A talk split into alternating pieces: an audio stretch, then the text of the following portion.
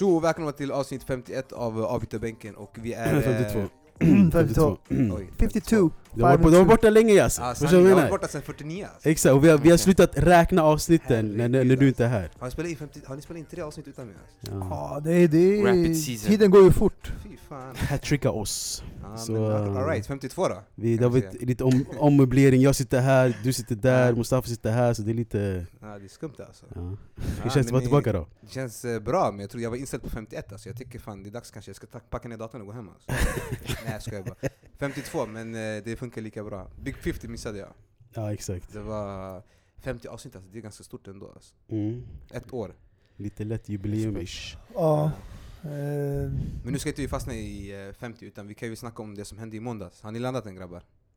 Ja, det tror jag nog. Händelserik dag. Mycket som hände. Eh, många som kom. Nästan Ja. 200 pers på plats. Vi hade Erik Niva här i eh, huset som eh, vi hade en live, eh, vad kan man kalla det? Ett samtal på scen kanske? Precis, en live-grej som vi förresten har spelat in och vi ska släppa i, ute i veckan på youtube Mm.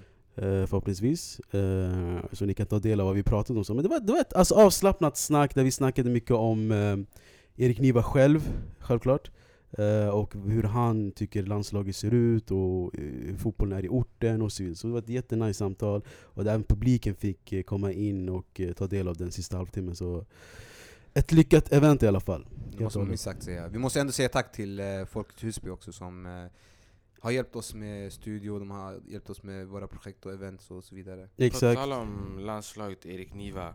Mm. ehm, vi pratade ju lite också om Quaison och, och, och Isak och deras position i eh, landslaget och hur um, ja, spelare med alltså invandrarbakgrund skulle kunna Mm. eh, vara mer integrerade i landslaget. Mm. Eh, så det var ett bra samtal att ha med en, spe, så en, en, en så välkänd journalist som har så mycket kontext också när det kommer till den här frågan. Mm. Så det var kul att höra hans synpunkt på det. Eh, sen är ju Quaison själv i operationssal. Ja, Jag tror han var på operation igår eller någonting. För vadå? Jag kommer inte ihåg exakt för vad det var, men jag vet att han är i operation. Mm. Eh, jag tror det var eh, någon eh, fotled eller något sånt där. Jag kommer inte ihåg exakt faktiskt. Ja, han, det, var någon, det var någon operation, men han kommer klara sig. Vill bara skicka lite kärlek till honom. Ja. Eh, yes, det var det jag hade att säga om det.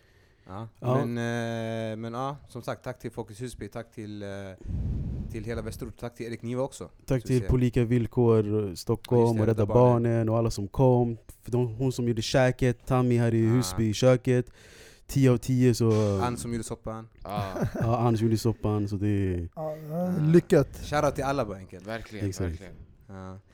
Eh, vi har ju mycket att snacka om idag så vi kan väl eh, hoppa rakt in i det.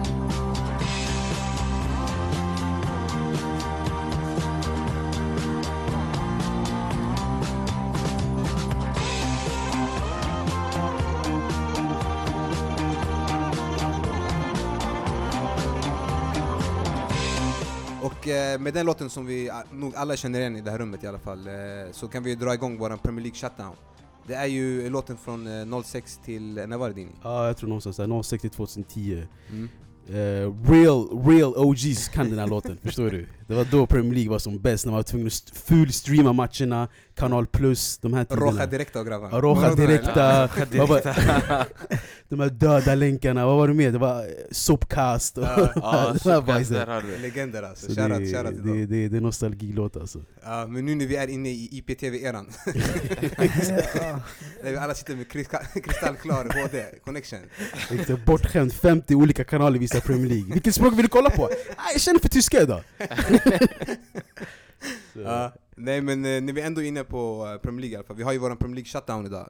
Säsongen är ju över och eh, det är mycket som har hänt den här säsongen och vi har ju ganska mycket att gå igenom. Men vi har ju vi har radat lite hur vi tänkte gå igenom. Vi har ju liksom eh, ja, men årets spelare, årets lag, årets tränare och så vidare. Flopp och, Precis, ja och så vidare. Men eh, jag vet inte, vi kan väl börja rakt av, alltså direkt med årets sämsta och bästa lag. Men jag tänker bara lite snabbt, ska vi inte kolla tabellen hur det slutade? Det kan vi faktiskt göra innan vi Bara börjar med det. att- Det var ju, alltså toppen såg ju ganska väntad ut, i alla fall för mig. Nej, Vi- definitivt inte. Eh, Jag kan säga många förväntar sig inte att Chelsea skulle ta topp fyra. Det var många som räknade bort dem i mitten av säsongen. Ja. Folk hade räknat in eh, Tottenham, Liverpool City och sen hade många hoppats eller Ja. trott på Arsenal eftersom de hade lättast spelschema de sista tio matcherna. Men om vi går igenom, om jag börjar uppifrån då, om vi kollar på, det var Man City som slutade etta, Liverpool Mm. som slutade tvåa, trea var Chelsea, Tottenham fyra, och det är de Champions League-platserna då. Mm. Eh, Arsenal och United på femma och sexa, det blir Europa League-platser. Och sen Wolves på, fem, på sjunde plats, som eh, kvalar till Europa League va? Ja, Mm. det är eftersom att eh, City vann FA-cupen. Mm. Den som vinner FA-cupen får ju egentligen Europa League-platsen. Men Mm. eftersom eh, det var, blev inte Watford som vann den, så överlämnas den till sjunde plats. Yes, och sen om vi spolar ner lite till botten så har vi Cardiff på 18 plats, Fulham på 19 och 20 plats så hade vi Huddersfield.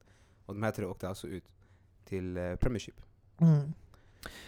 Några Det överraskningar? var, det var re- rekord, vad säger man, rekord eh, låga poäng för de här lagen också. Mm. Eh, så det, Fast det var ju rekordhöga poäng i toppen också. ja, Så det jämnar väl ut sig eller? det var, alltså grejen är, det är bara Liverpool som kan förlora titeln med en enda förlust eh, En- på hela ja, säsongen sjukt. och eh, ändå var en poäng bakom City. Så en, Mm. alltså jag måste bara säga en otrolig Premier League-säsong ändå. Alltså, jättespännande, det var så här länge det var så här mm, spännande. Eh, Fast var det verkligen spännande? Alltså det, Sanning. Alltså jag, tycker, jag, tror, jag tror allmänt i den här fotbollssäsongen, inte bara Premier League, men det var en jättespännande säsong i, Alltså, i allt. det, Alltså sanning, om jag ska vara ärlig, inte bara Premier League, allmänt. Jag tycker den här, den här säsongen var ganska, det var ganska tråkig alltså. Alltså i Hur alla menar tre du? stora ligorna i alla fall. Förklara dig, Nej. uttryck dig. Alltså det var så här om du kollar typ, om vi kollar Premier League, det Ja. var de två lagen där uppe, sen de andra det var bara eh, alltså slagsmål om... Men det var inte bara det, det var, var det var, det var inte alltid de två Vänta, vänta, vänta, vänta, det var de två där uppe, alltså det var ganska klart förstår du, de här två var topp, och sen de andra var sen, mm, Chelsea var inte så bra, United var inte så bra, Tottenham var, mm, okej. Förstår ni vad jag menar? Så om vi kollar i La Liga, det var samma sak, det var Barca som var, mm, de var ändå bäst, och de andra var lite, mm, förstår du? Men Madrid det är sen, för, alltså, Serie A, Juve, Ja, andra alltså, Alltså, alltså, skillnaden ljummet, är, alltså. alltså. i Premier League fanns det en titelstrid ända till slutet. Jo, men det det var- fanns det, det- inte i Serie A och i La Liga. Jo men det var ju Och intressant sen i La Liga fanns det inte en strid om Champions League-platserna förutom den fjärde platsen. mm. Atletico Madrid och Real Madrid var redan klara. ja, Det var bara mellan Sevilla, Valencia och Getafe vem som skulle ta den fjärde platsen. ja. Och Men fattar du vad jag menar? Jag menar att det inte var... Jag det fattar vad du menar, så men grejen alltså, det, det är inte, alltså, Tottenham hade ju också chans att vara etta någon gång. Eh, vi, vi får inte glömma heller att i, i, i slutet av jul var Liverpool sju poäng före City. Mm. Och hela den här vändningen kom alltså, eh, alltså sista halva säsongen, så hela den grejen är också... Alltså det var, det var mycket oförutsägbara grejer som hände tyckte jag. Mm. I hela fotbollssäsongen allmänt, men Premier League också. Mm. Sen, ja, alltså, ja, som Dini sa, alltså, den här vändningen, det, det är något man inte får glömma, absolut. Eh, all respekt till Liverpool som tog hela 97 poäng och förlorade bara en enda Premier League-match under hela säsongen. Förlorade på typ så här två millimeter också med den Det här bollen. är, ja, Mm. det är en jättebra Mot match, Man City också. men eh, jag tycker ändå City, som vann 14 raka matcher efter årsskiftet, Mm. tappade inte ett enda poäng, förtjänar ändå att vinna ligan. Om man gör en sån alltså winning streak, då förtjänar man att vinna ligan. Förra Ah. året gjorde de en rekord på 18, Ja. nu 14, de tangerade det gamla rekordet. Eh, tycker du att Man City var värdiga vinnare det här året? Absolut. Absolut. Men eh, det gör inte eh, Liverpool icke värdiga heller. Så, men absolut, det var, de var värda att vinna Champions, eh, Premier League. Och eh, de visade deras kontinuitet i alla andra cuperna också. De vann ju FA-cupen nyligen mot Watford. Då. 6-0 och Mm. sen tog de eh, Carling Cup. Så de, de gjorde deras grej. Ja, de gjorde en treble. En historisk En treble, exakt. Så, jag vet inte, det här är Ah. deras första treble. Alltså, Det är den första den inhemska trippen Ah. om man säger så. Ah. Det är, Ja. det är, Mickey, det är Mickey. Mouse Cup, det är Kalle Anka-cupen och sen är Ja. ligan. Så det är, Det Man ska, man ska vara noga när man använder ordet treble där alltså. Mm, Treble ska innehålla en Champions League. En, Europ, en europeisk titel i alla fall. Definitivt. Så att, eh, Det, men det, alltså, alltså en trippel Ja. i, i, i textboken, verkligen. absolut. En Ja. trippel i, i, i liksom, eh, titlar, Ja. absolut. Men Mm. en trippel i dess benämning, ah. Ah!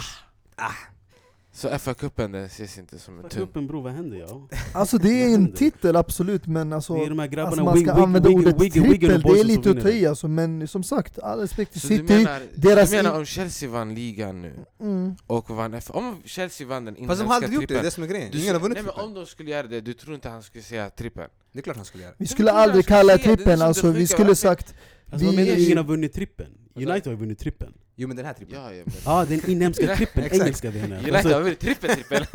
Ja, triple triple, förstår du vad jag menar? Eh. Så... Uh? Men eh, som sagt, i alla fall City, det, man kan säga att de är bästa laget. eh, De gjorde det två år i rad. ja, Jag back to tycker de back, förstår du vad jag förtjänar- menar? Så det, de Och det har inte gjorts sedan eh, Sir Alex Ferguson 2008-2009. ja. Sen dess har det varit inget lag som har vunnit ligan två år i rad. Så det är respekt till Så Guardiola det ger City. den här trippeln lite mer merit. Det har ingenting med trippen att det är just med Premier League, att de vann back-to-back och eh, deras investeringar har eh, gett resultat. Guardiola har investerat stort, men han har investerat på rätt alltså, positioner och områden i City. Mm. Eh, och eh, nu, Så vi får se hur det... investerare. Alltså nu, Alltså, nu känns det som att City har kommit över, förbi det här stadiet att de vill vinna ligan. Nu tror jag att Nästa de, Champions League. de vill satsa nog på europeisk titel, det är det viktigaste. Det kommer bli som PSG, som alltid söker efter den där Champions League-titeln. Ja, och de, alltså, grejen, de halkade också ur Champions League också måste man ändå säga, hur de förlorade och Alltså jag vet inte, jag tror det skulle se- sett annorlunda ut nu om City vann mot Tottenham, jag vet inte om de skulle gått vidare mot Ajax heller men eh, Jag gillar inte att snacka om och borde och men, men jag vet inte, de Jag tror Guardiola är nog, han, jag tror att Guardiola kommer stanna en säsong till bara för att vinna den här Champions League, sen gå vidare till eh, Juventus Mm. Ja, det är ju mycket som hände den här säsongen i alla fall, men eh, vi ser ju, det var ju över 20 poängs skillnad mellan ettan och tvåan och sen ja, resten neråt, Mm. till nian och fyran. Så Ja, det var det, det är mycket, man måste, två välförtjänta runners. man måste komma ihåg också Mm. Arsenal har fått en ny tränare, Unai Emery. Och eh, Chelsea har fått en ny tränare. United eh, har haft eh, ett jobbigt år med eh, Mourinho som blev sparkad. Sen Olle tog över the wheel. Ja exakt, så det, det, de här lagen har varit eh, ja, under mycket United som gick från sexa till sexa. upp och Med, ner. med eh, mycket hype. Väldigt, eh, en, väldigt en, Olles at the wheel. en, en, en uttjatad mening, alltså väldigt såhär, Den, den tål upprepas. ja den är väldigt använd måste jag säga alltså, är det så? Men jag måste ändå säga Tottenham, man, man kan inte ta ifrån dem det här året. De har haft ett succéår för mig. Tottenham respekt. Alltså jag kan inte förvänta mig att Tottenham ska vara med och fighta som en ligatitel när de inte har slösat en enda miljon. Och eh, de är ändå i Champions League-final. Så det där är någonting man eh, bör sätta värde i. Det här är ett eh, Tottenham som har byggts upp under flera år med Pochettino. Mm. mm.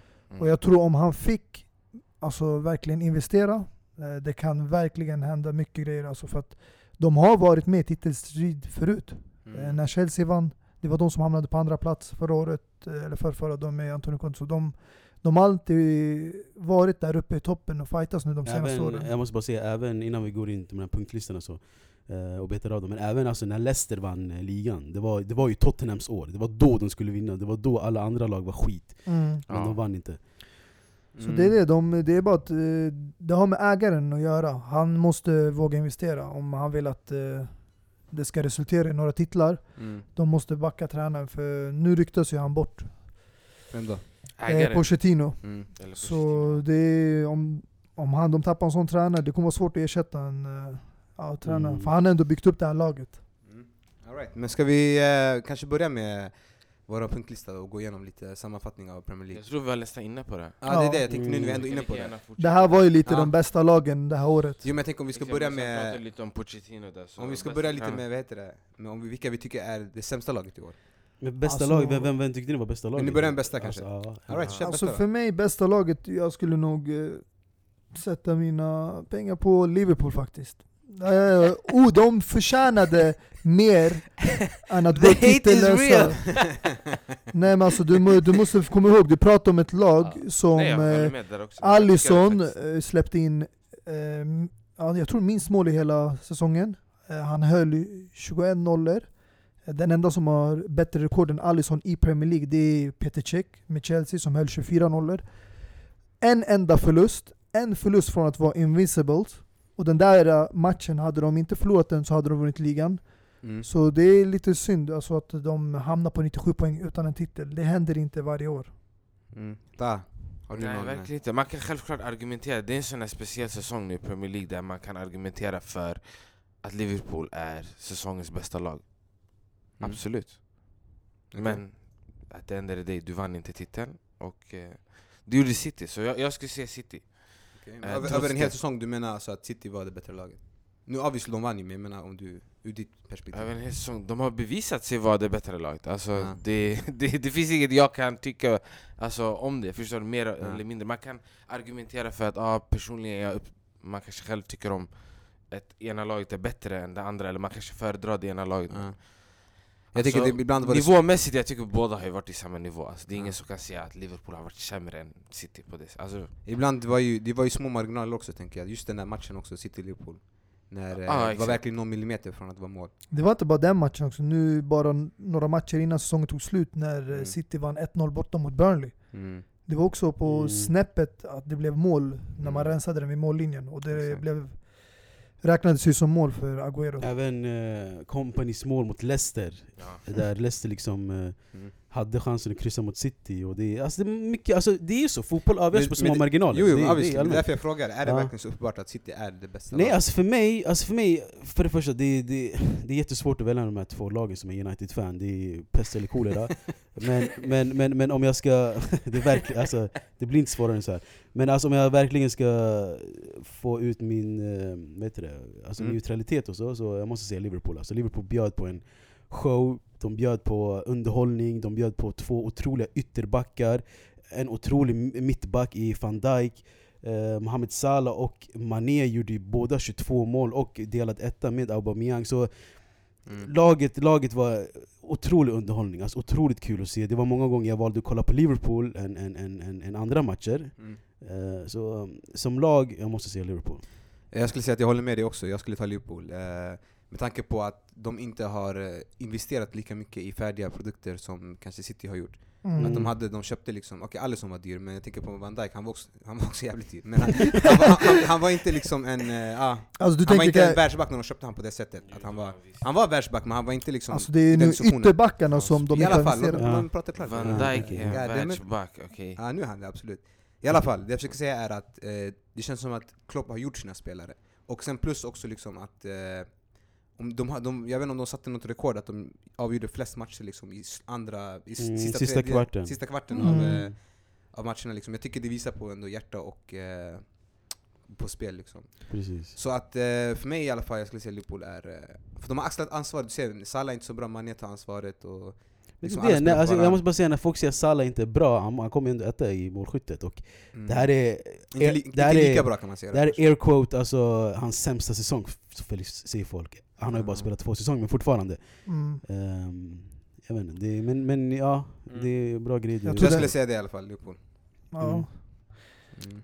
Ja, vi, det var ju min punkt från hela början. Så Exakt. känns som att eh, vi är överens på Vi är den alla punkten i alla om- Det fall. var det här som är City alltså. Då kan vi gå till... Eh, De vann ligan i slutändan. Det där va? Who's the winner? Exakt. All Alltså right. det är en preferensgrej, jag förstår att det här är mer så här. Ja. Vad, vilket lag tycker man man men gillar alltså- att se mer, alltså det är typ den där Nej alltså bästa laget, alltså, Nej, jag tänker, bästa alltså, Bästa ska vara ärliga, laget är ju City, det som vinner, Jo, det är som att City- säga vem är bäst, vem är snabbast? Om Men Usain City, Bolt du måste vinner racet, du, han är snabbast! du måste Alltså, komma ihåg att du menar? Det City, finns ingen, nej det är inte alltid sådär, men du måste komma ihåg att City, I det här fallet är det Ja, måste- det är inte alltid så. Det är som att när man ser Alexander Gustafsson när han mötte John Jones. Alla säger inte att John Jones var, var, var den bästa den matchen. Förstår du vad jag menar? För att, för att dra lite UFC-paralleller, men skitsamma. Jag menar bara att all, varje gång någon, matchen! ja, men Jo, varje gång det någon vinner den matchen behöver inte betyda att det, det- bältet runt ja, men det betyder inte att det- han var bäst, eller det laget var fast du måste bäst. komma ihåg att ah, mycket, grejer handlar om små marginaler, nu snackar vi Mm. bokstavligen om en poäng. Förstår du?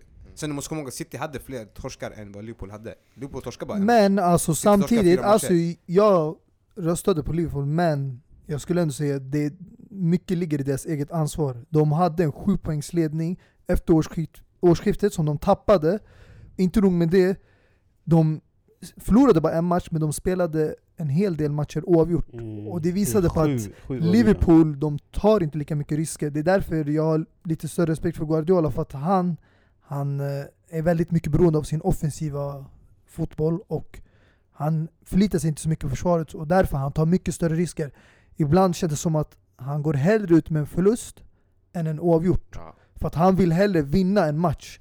Så han går all in, om det står 1-1 eller 0-0, han går all in in till sista minuten för att komma ut som vinnare i matchen. Och det gjorde också att de tog hem 14 raka vinster eh, hela vägen till slutet av Exakt. säsongen och eh, de kom ikapp 7 poäng. Det är stort. Mm. Eh, om vi har kollat lite på toppen, om vi ska kolla lite på botten. Well said. Vilka, är, eh, vilka skulle ni känna är liksom eh, de sämsta lagen, eller det sämsta laget det här året? i Alltså det är självklarhet. Alltså Premier Leagues årets största besvikelse, det är rakt av Fulham. Okej. Alltså det här laget eh, var ett lag, okej de kom nyligen upp från eh, Championship, men de har varit tidigare i Premier League, de har en historia där. Men eh, deras värvningar säger allt. Det här är ett lag som består av spelare med hög kvalitet. Vi pratar om Alexander Mitrovic, vi pratar om Ryan Babel, vi pratar om Andres Schürrle. Vi pratar om Luciano Vieto som kom från Atletico Madrid. I mittfältet har du eh, du, hur gammal är han förresten? Eh, Han är 25 år gammal, 93. Han är ung, Och eh, du har också Lazar Markovic som kom från Liverpool. Du har eh, Mikael Seri som kom från Nice som var jagad från Många- Arsenal och Chelsea. Deras egna talang är Ryan Sessegnon. Och i försvaret har du Chambers från Arsenal, du har eh, Fosa Mensa från United.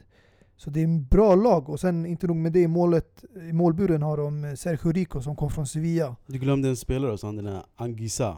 Exakt, Anguissa eh, från Marseille. Exakt, 30 Eh. Frankrike. Och det här är ett lag som verkligen investerade, vi pratar om över 100 miljoner totalt. Exakt. Eh, De här ska ha gjort en mycket bättre säsong. De ska ha varit i övre halva av tabellen. Men, det här, men det här är ett eh, klassiskt, du vet när man kommer upp i Premier League, har fått pengar, man värvar allt man ser. Man, man, man, man, man skiter i taktiken, man skiter i sitt pusselbygge. Man tänker bara att han är bra individuellt, han är bra individuellt, han är bra individuellt. Och sen tror man att allt ska funka ihop. Så det här är bara en klassisk rookie mistake, det här är Fifa karriärsläge, när man köper alla de här bästa spelarna och tror att de ska spela ihop. Det, det funkar inte så. Nej, alltså det, det, det var en misslyckat år, men det är också där tränarsituationen. Alltså jag tycker istället för att byta, de bytte ju tränare två gånger. Hämtade in Raneri som var där är det, eh, några månader, Mm. eh, knappt några månader, veckor pratar vi om och eh, lämnade. Och nu har man ju före detta Fulham och Chelsea-spelaren Scott Parker som tränare. Men jag tycker eh, tränaren innan som började säsongen och tog dem upp från Championship borde fått förtroendet säsongen ut. Och sen därefter gör man en förändring. Eh, Mm. Så nu är det som det är men eh, jag tror det är många spelare som kommer lämna det laget. Eh, Det Ja. kommer bli ett rehab-år i Championship nästa år. Exakt. Och eh, jag håller med dig Mustafa i allt du säger, jag tycker även vi kommer in lite i floppvärvningen där, men vi kan ta det lite senare. Men alltså jag, eftersom det här är en shutdown avsnitt, Premier League, så jag tycker vi kan shut down United också. Liksom, bara förklara en gång för alla vad det är. Förstår du vad jag menar? Mm. Eh, jag tycker definitivt att de har varit dåliga och så. Eh, men det finns ju en anledning, och om ni, om ni kan bear with me bara lite snabbt, jag ska bara ta det lite Mm. kort. Alltså för det första, det som är ruttet idag började redan i Fergusons tid, okej? Mhm. När, han, när, han, när han lämnade alltså, uppdraget till de här andra tränarna som kom. För i 2004 när han hade, då värvade vi Wayne Rooney, och säsongen därpå värvade vi Vidic, Jason Park, Patrice Evra, och sen 2006 värvade vi Michael Carrick, året därpå Owen Hargreaves, Anderson, Tevez, Nani och sen Berbatov sista året, 2008. Så ni hör, det är ett alltså, bra lagbygge därifrån bara. Men sen 2009, det där allt ändrades. Eh, det där liksom hela transferspolicyn, alltså radikalt. För vi, för vi sålde ju Ronaldo då till Madrid, och istället för att köpa de här garanterade talangerna så var vi ute efter de här, vad ska vi säga, smutsiga diamanterna. Vi ersatte Ronaldo med eh, Antonio Valencia, Michael Owen och Gabriel Obertan. Ni, ni hör namnen bara. Och eh, 2010 var vi ute efter Wesley Schneider, eh, trippelvinnaren, och det har vi varit ute i varje fönster. Så fort fönstret öppnas så är det ett rykte att Schneider ska tagga till United, men det händer aldrig. Istället värvade vi Bebe, Chris Smalling och Chicharito. Eh, och eh, 2011 värvade vi David de Gea, Phil Jones och Ashley Young. Och, och Paul Scholes kom tillbaka från retirement det året. Och jag måste bara säga, det var samma säsong då Paul Pogba kom från eh, akademin och försökte du vet, eh, tränga in sig och slå sig in i laget.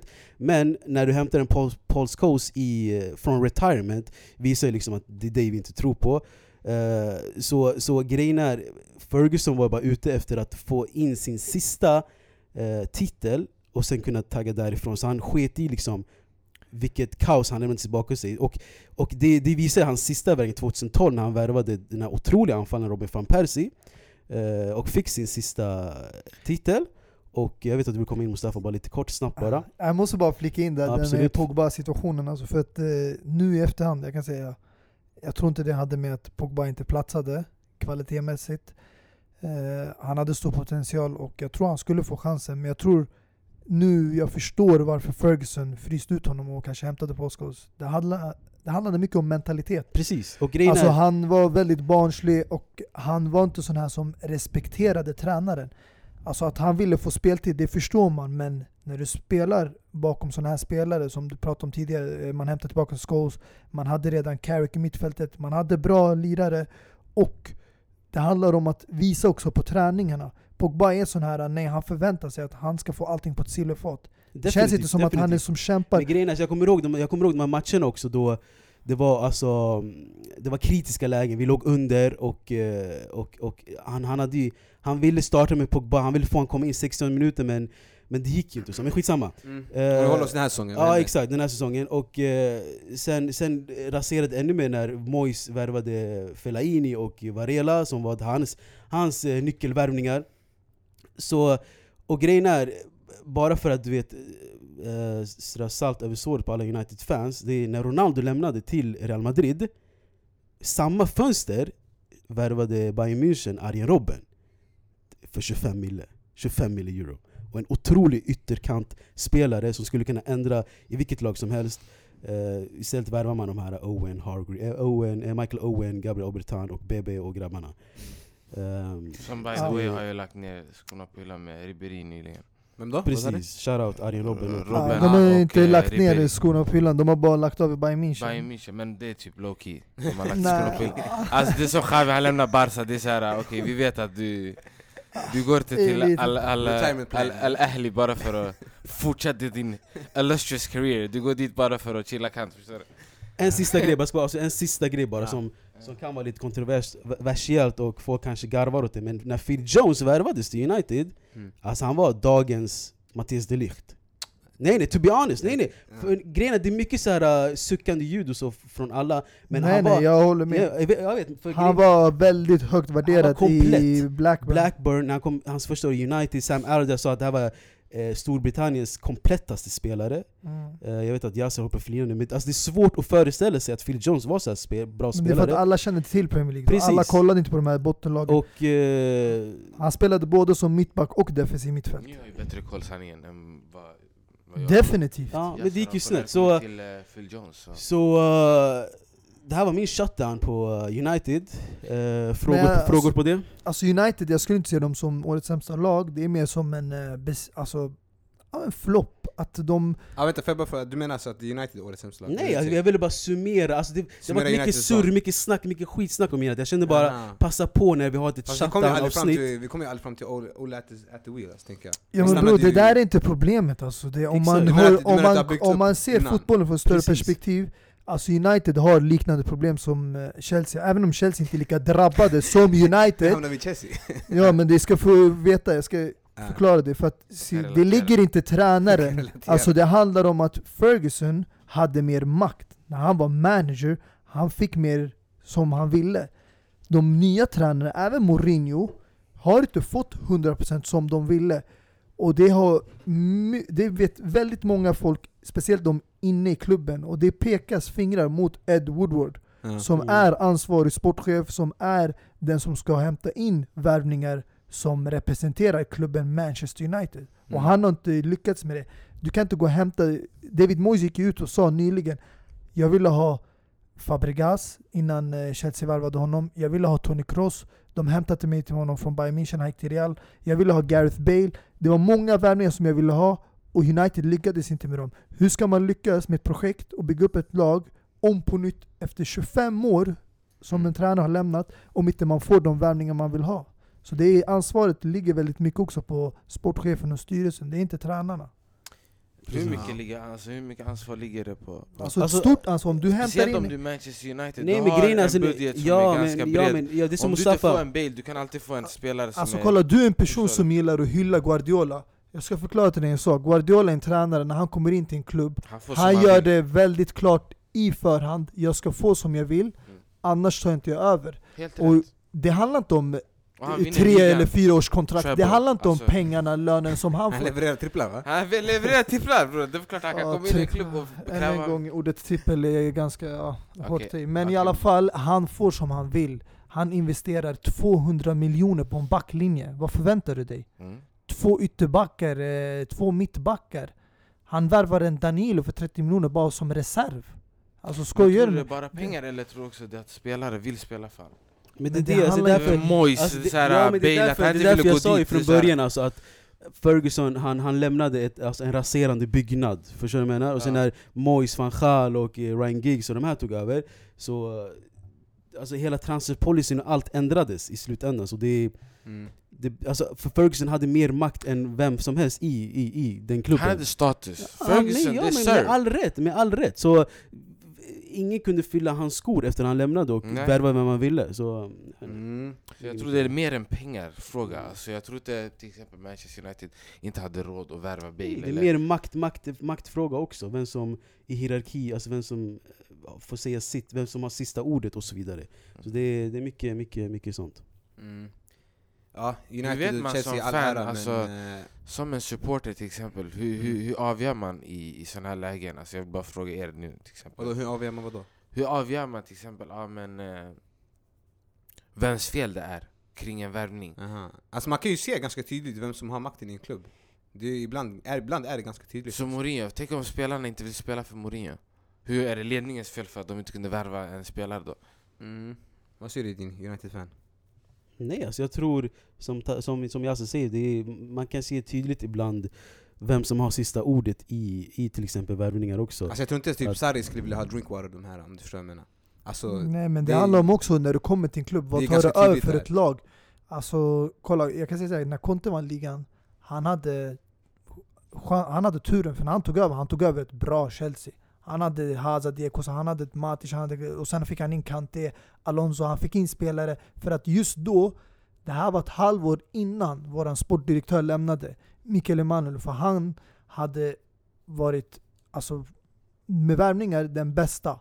Han har hämtat in alla de här, Pedro, William, eh, Hazard, Juan Mata tidigare, Aspilicueta, eh, Rudiger Davlys, alla de här innan, det är han som har värvat in dem. Men sen när han lämnade, nu är det hon Granovskaja som Marina som är då Abrahamovic högra hand. Hon har ingenting med fotboll att göra. Hon, för henne handlar det bara ekonomiskt, förhandla ett bra avtal. Så när de hämtar in spelare som Drinkwater, Zappacosta, det här är bara för att alltså man märker tydligt att det är hennes val. det, det, det, Det är märker inte- man, det är det, inte det, är hans- ingen, eh, det här är inget investera på framtiden, det här är ingenting Det är på ett budgettak på, på, på, på köpen här. Det är därför, men folk de glömmer också bort Guardiola, när han tog över City, han fick ett bra lag redan till hands. Han hade redan David Silva, Agüero, Kevin De Bruyne, Sterling, Fernandinho. Och sen hämtade han in några pusselbitar, Bernardo Silva, Mm. Leroy Sané, Gundogan. Det var bara försvaret som höll på att rasa. Och där värvade han in hela försvaret förutom Company, Laporte, John Stones, Kyle Walker, Benjamin Mendy, Da- Danilo. Mm.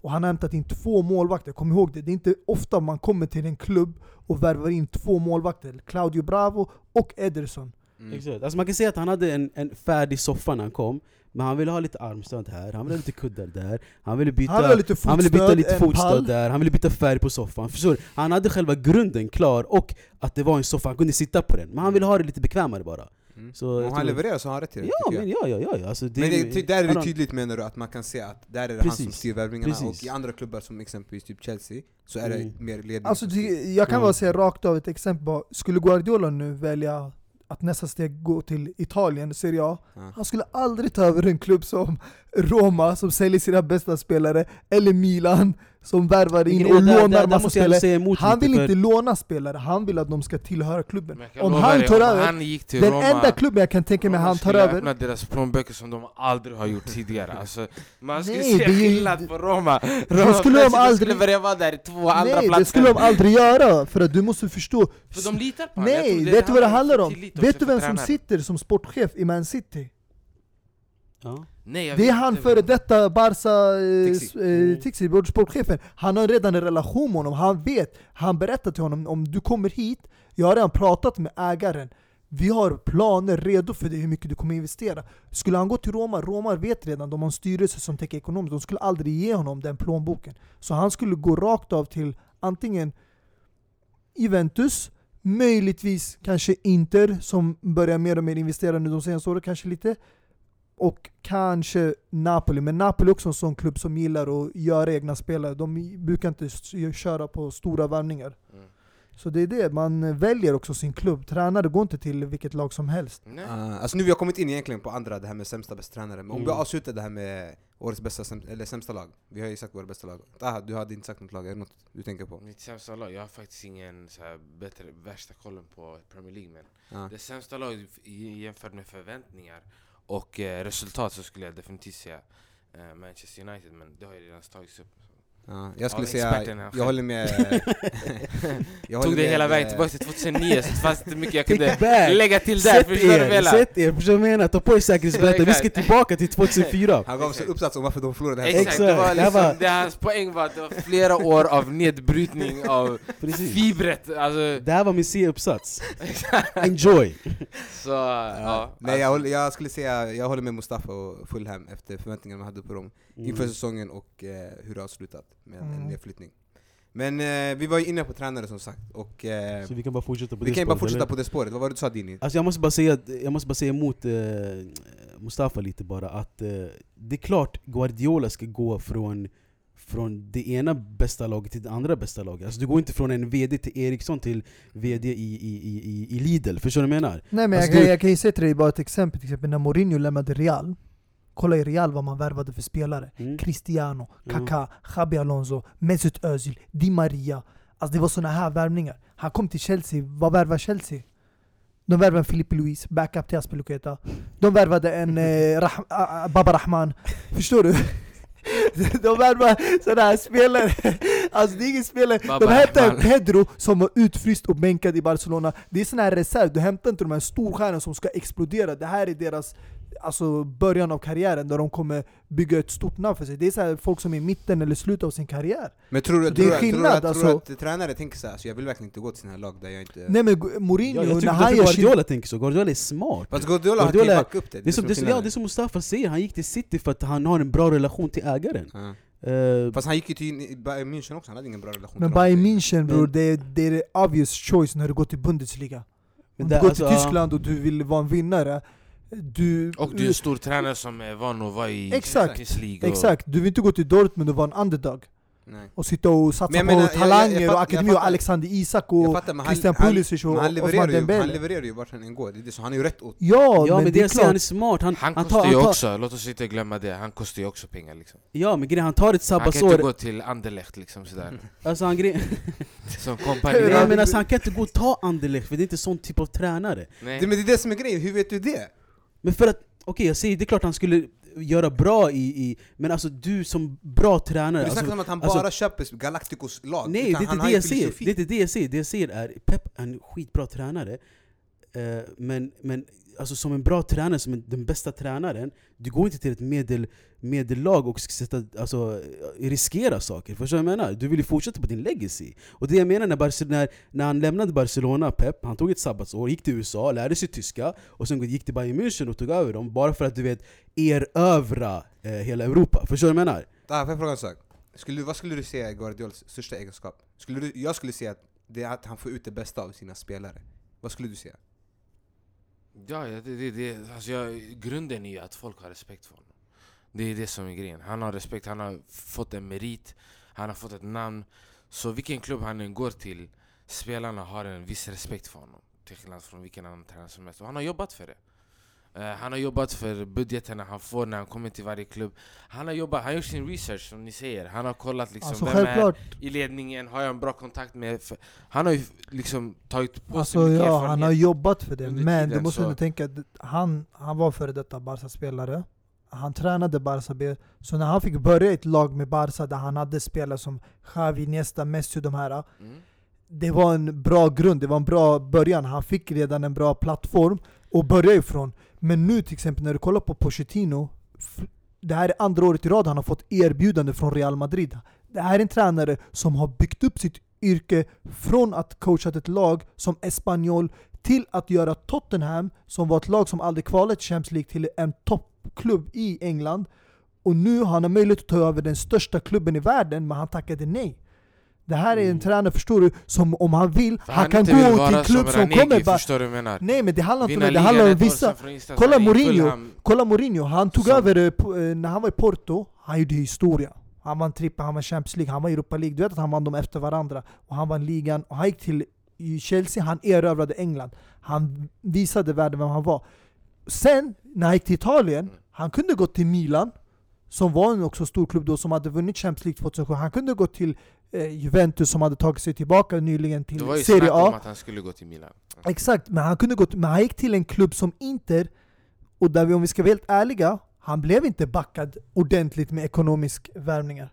Det var inte storvärvningar. Han hämtade en outcast, Schneider, som eh, Bayern München med Robben från Real Madrid. Han hämtade en Diego Milito från Genoa. Han hämtade en Lucio på eh, free transfer. Han hämtade många spelare som inte folk, Thiago Motta också inom Serie A. Han hämtade inte värvningar från de största klubbarna i världen, men han lyckades bygga sitt bygge och ändå vinna Champions League. Och det är det skillnaden. Guardiola kan inte göra de här små värvningarna, som till exempel Klopp. Han hämtar Han Andy har inte behövt göra det. Nu, Vi vet kolla- om han kan, men han har Kolla, inte behövt kolla göra liksom på Klopp. det. Du kan inte säga att han inte kan, för du vet inte, han har inte behövt göra det. Ja men han har inte behövt, men det är det. Han, han vågar inte ta den risken. Han vågar inte gå på den där hala isen och bygga sitt eget lag. Han måste ha en klar produkt. Kolla Klopp nu. Klopp, han tog Ja, ändå men risk. grejen är, Vi har lyssna, en det är tränare alltså, som vågade göra att- sådär. för att, Nej, för att, men för han heter Wenger. Nej, och vi ser, vad nej, såg men han kolla var? på Han var Klopp. fjärde plats resten av hans säsong. Han vann eh, en gång nej men kolla, ligan, så resten av, alltså alla andra säsonger var det... okay, men, eh, kolla på Klopp, som är i samma liga samma år som Guardiola. Andy Robertson från Hull City. Han satsar på en akademi, Alexander Arnold, som högerback som är ordinarie. Mm. Han hämtade en eh, Wijnaldum från Han Newcastle. Han hämtade James Milner från City, som ingen ville ha längre. Helt gratis. En gammal spelare som alla räknade som han är slut. Han har ingenting med fotboll att göra. Han, han- kan inte klara av alltså, alltså lyssna, bara, bara Ah. för att stänga det här Det är alltså. Det är att du, din fråga var till Taha, v- vad hans bästa egenskaper är. Jag håller med dig. Det är, alltså Pep Guardiola är en, en, en freak. Han är, han, är, han, är, han, är, han är dum i huvudet, han är löjlig Ja. alltså. Han, han, han, alltså han är, ni, ni såg ju den här uh, sekvensen efter City vann mot Wolverhampton, när han efter all firande så han står och han, han, han ansikte mot ansikte till Raheem Sterling och håller, fortsätter på att motivera honom. Mm. Så han vill alltid spelarnas bästa och alltid, du vet, motiv- även du vet eh, Devon Redmond, eh, inte Devon Redmond, det är en gammal United-talang, men Nathan Redmond i Southampton. En annan spelare i ett annat lag, gå till han och ge han tips och råd och såna grejer. Så Mm. Pep Guardiola är Men det är det jag menar, alltså, att inte alltid behöva, alltså. man tänker bara han köper, han köper, men jag tycker han får ut det bästa av sina spelare. Exakt. Men i alla fall grabbar, vi har slösat lite för mycket tid på Guardiola. Eller om inte ni tycker han är årets... Bästa, eh, alltså bästa, bästa tränare, alltså sista bästa tränare, bara för att ha det kort, pound för pound, Mm. Guardiola. Okej? Inget Pound för snack. pound Guardiola. Ja, men eh, ja, exakt. Så. Mustafa? Alltså, jag skulle säga det här årets bästa tränare, det är... Klopp eller Alltså Pochettino. nej, jag tycker Pochettino. För att, Ja. för att Pochettino har byggt upp det här laget själv och har inte gjort en enda värvning. Ändå kvalat Champions League, eh, topp fyra i ligan och ändå i, i Champions League-finalen. Och eh, om inte det vore också för skadorna de har haft. Eh, Harry Kane har varit borta en, en större del av säsongen. Dele Alli var borta i mitten av säsongen. De har haft väldigt mycket skador också i mittfältet. Jag tror de skulle ha kunnat vara där uppe i toppen bakom Liverpool City. Taha? Jag måste nästan hålla med där, alltså både, både och. Alltså, till exempel, vi vet att Guardiola är pound för pound den bästa tränaren. Eh, samtidigt som vi vet att eh, Pochettino har haft väldigt, eh, väldigt begränsat eh, material. Så eh, ja, Pochettino skulle jag också nog säga faktiskt. Jag måste hålla med Tafs eh, slutsats där. Mm. Den här Mm. säsongen jag vill ge den till Pochettino, bara för hans, du vet du vet, hur han har kunnat göra rätta byten under kritiska lägen med minimala skadad bänk, minimala resurser, Mm. folk skadade sig, Kane skadade Exakt, sig så det blir intressant att se så att också. han, han har gjort mycket, så här, vad ska man säga, han har, han har verkligen flexat sina tränaregenskaper Mm. mer än vad Guardiola har gjort den här säsongen Trots att Guardiola har vunnit ligan och massa andra eh, titlar, men alltså Treble, eh, men, exakt, alltså, så har han inte liksom flexat lika mycket, vad ska man säga, Ja. Tränaregenskaper som vi kunde ha sett i alla fall. Det, blir, det, alltså det, blir, intre- alltså det, det var intressant att se eh, Pochettino utan värvningar, nu kommer det bli intressant Ja. att se med värvningar. Så det, Exakt. blir, det blir kul. Mm. Ehm, Och jag måste bara, vad- vem var din bästa tränare? Förlåt. Nej jag tänkte, så, alltså jag tänkte obviously det är de här, det är Guardiola, det är Klopp, det är Pochettino Det är de här storviktarna liksom. Mm. Eh, Men eh, en tränare som jag skulle vilja lyfta det är ju eh, Nuno Espirito Santo, Wolverhamptons tränare Mm. Som ändå tog upp dem från, eh, från, eh, från Premiership till eh, Premier League, var han tog upp dem eller? Mm. Ja, Jag vet inte om han tog upp dem i alla fall, men den här säsongen, de kom ju upp färska och de slutade på en sjunde plats Mm. Och han har gjort många nyckelmatcher där han har vunnit mot stora lag och eh, Alltså för mig, det där, jag hade honom faktiskt som eh, årets överraskning. mm, Både han som tränare och Wolverhampton som lag. Precis. För att eh, det var ett lag som har varit eh, frånvarande ett bra tag från Premier League. Eh, kom tillbaka i år och eh, inte bara hamnade på en sjunde plats men också gjorde riktigt bra matcher mot topplagen. Vann mot eh, bland annat City, eller det var Chelsea, United, Arsenal och Liverpool i FA-cupen. Så det, han har verkligen visat att Wolverhampton är ett svårslaget lag på hemmaplan.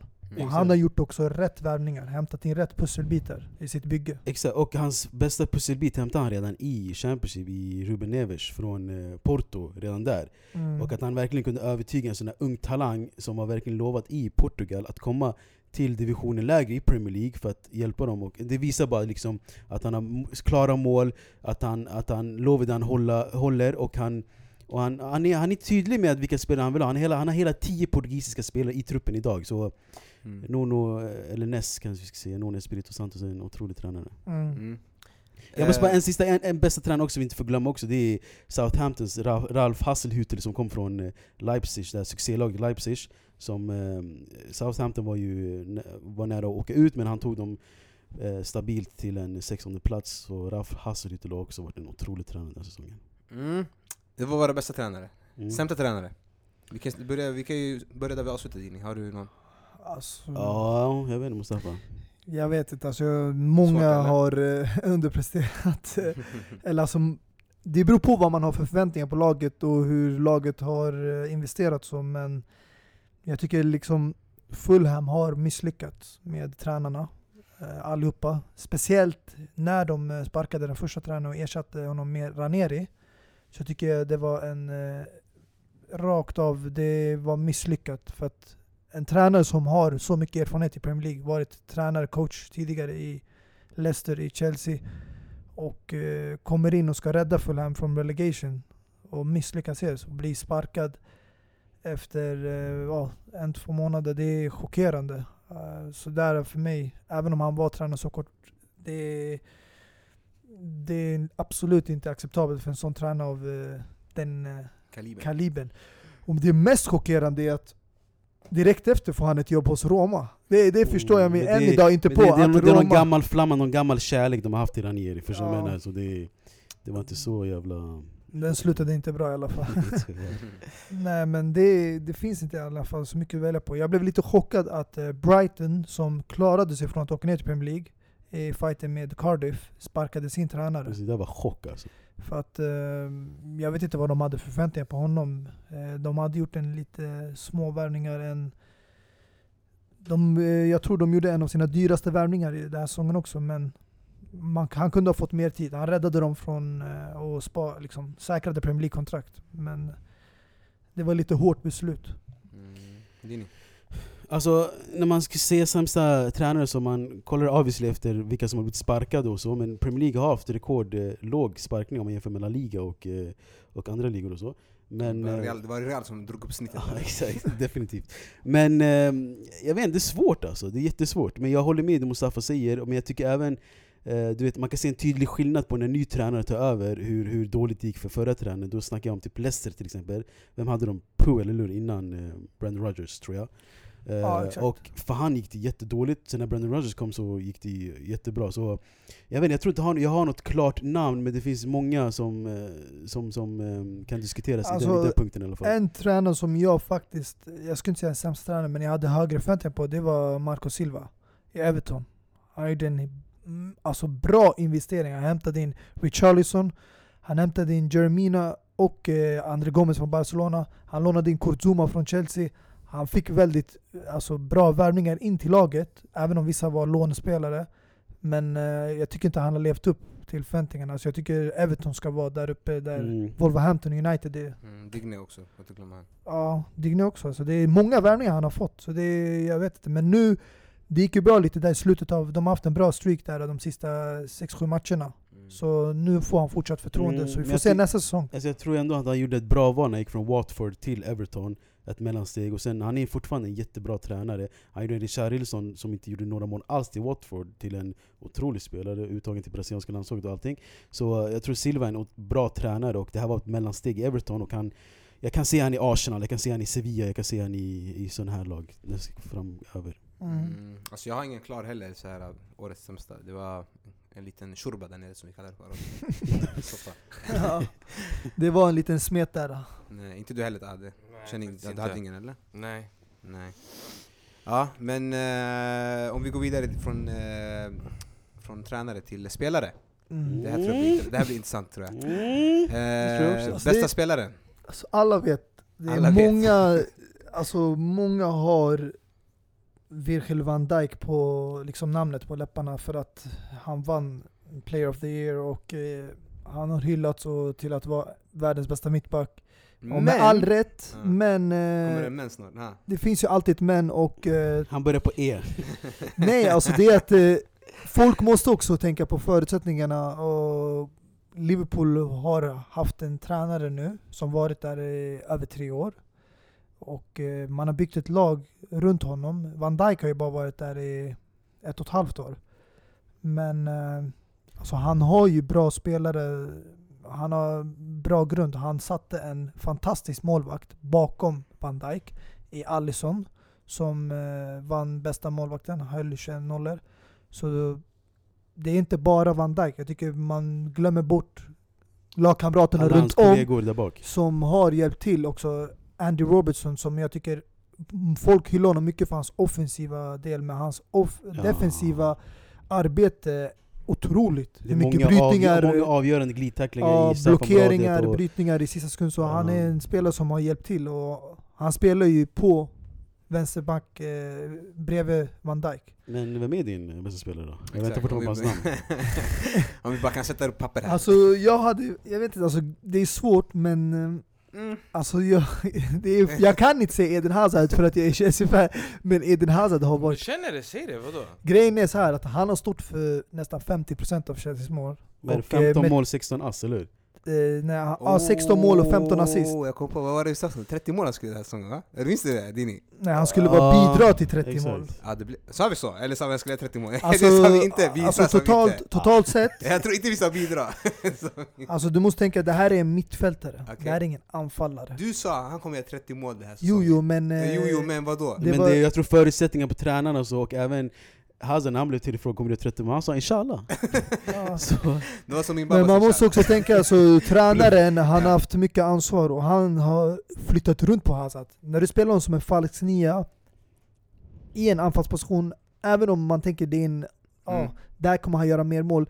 Det är inte hans position och det gör inte att du får ut det bästa av honom. Så det är därför 16 mål och hur många assist har han gjort? 15, 15. i Premier League. Eh, totalt gjorde han 19-18, men det är det. Han, han har tillfört mycket för laget och alla vet... Men vem, vem är din bästa spelare? Alltså, ja, han slingrar sig alltså. Det- Om du tycker på riktigt som han sa, om du tycker Hazard, säg Hazard. Alltså jag tycker det är, jag, tyvärr, jag kan inte välja kan inte den rakt bästa. svar, va? Nej jag kan, kan inte inte, för att jag tycker många har varit bra den säsongen. jag håller med alltså, Alltså, jag inte Aubameyang Oj. har gjort över 30 mål. En av de få spelarna som har gjort, eh, sen jag tror det var, han kom till Dortmund, han har gjort eh, över 100 ligamål. Mm. Totalt, eh, alltså båda klubbar, alltså alla klubbar. Mm. Men eh, det är en spelare som också har varit, Han har gjort 30 ligamål. nej 30 Totalt. totalt, men eh, han vann ju 22 i ligan. Men det är en spelare som har varit skitbra. Och han är ändå en, om jag skulle säga, förutom Salah och Mané, där han har den hårdaste konkurrensen i anfallspositionen i Lacazette. Ja, i alla Ja, fall. Vi, vi kommer ett Aubameyang. rakt Ja, jag exakt. det. Men jag, jag, grejen är att jag, jag är lite på det spåret också, jag vet inte. Jag, jag har i alla fall, i min lista har jag Bernardo Silva, Raheem Sterling, van Dijk, Lacazette, Aubameyang och Eden Hazard. Mm. Jag vill säga Aubameyang, men han har inte varit en, eh, du vet, den givna spelaren i Arsenal. Det är, tillsammans med Lacazette har han varit så otroligt bra och gjort så många mål. Van Dijk, absolut otrolig spelare, och jag, jag tror jag måste säga bästa spelare van Dijk.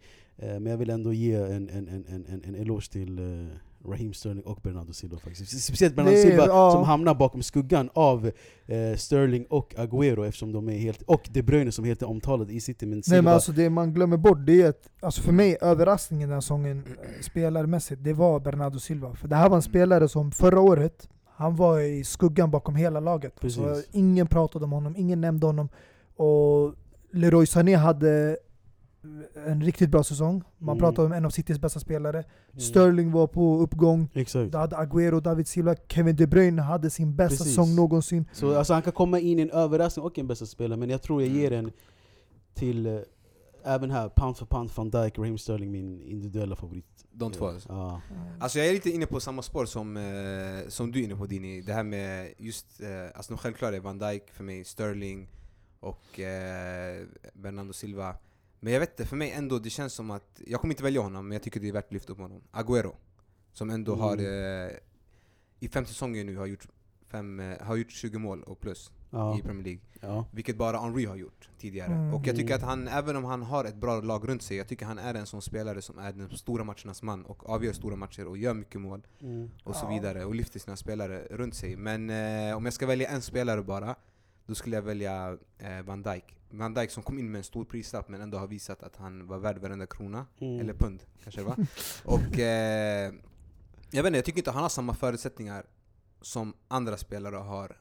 Om vi snackar typ Sterling eller Agüero. Jag tycker han, alltså visst han har bra spelare runt sig men det är inte på samma nivå tycker jag. Exakt, sen Alltså blir- jag tycker det är sen- svårare för honom. Sen, sen blir det ju svårt att jämföra spelare i olika positioner Jo, och så vidare, men alltså, självklart. jag förstår. Det är, Alltså jag tycker med det materialet han har runt sig, jag tycker Mm. han är värd att vara bäst den här säsongen. ja, Vilket sen, visade sig. Och sen får man inte glömma bort heller vad Di Mustafa sa, att han, man får inte glömma bort hans kollegor. Jo, jo Eh, men det jag säger, men det, bakom honom, Alisson och hans två ytterbackar också. Det Ja. Men alltså som sagt, förutsättningarna och det, där han är har han gjort det bästa av det bästa. Så Ja. absolut. Eh, Taha, hade du någon? Raheem Sterling, de två ytterbackarna i ehm, Liverpool såklart. De bör ju också vara, nämnas. Andrew Mm. Robertson och Trent Alexander. Arnold. Arnold, där har du den. Jag vet inte. Det. Han eh, slog ju faktiskt eh, rekordet Så- på antal assist eh, av en försvarare i Premier League. Det hölls ju 12 tidigare stycken. av eh, Leighton Baines 11 och eh, Andy Robertson hade tangerat det med 11. Mm. Men eh, han lyckades göra 12 innan säsongen tog slut. Så det är bra siffra för en så ung högerback. Robertson på 11. Mm, så tillsammans, de bidrog med 23 assist. Det är nog ganska det är ändå mycket. jävligt mycket faktiskt, Ja. måste jag säga. Så de bidrog, man kan säga det, de är alltså på egen hand alltså. Alltså jag skulle ändå, i sanning nu i efterhand, jag skulle lägga mitt kort på faktiskt Bernardo Silva. Mm. För det här är ändå sy- spelare för mig Jag som har haft dig?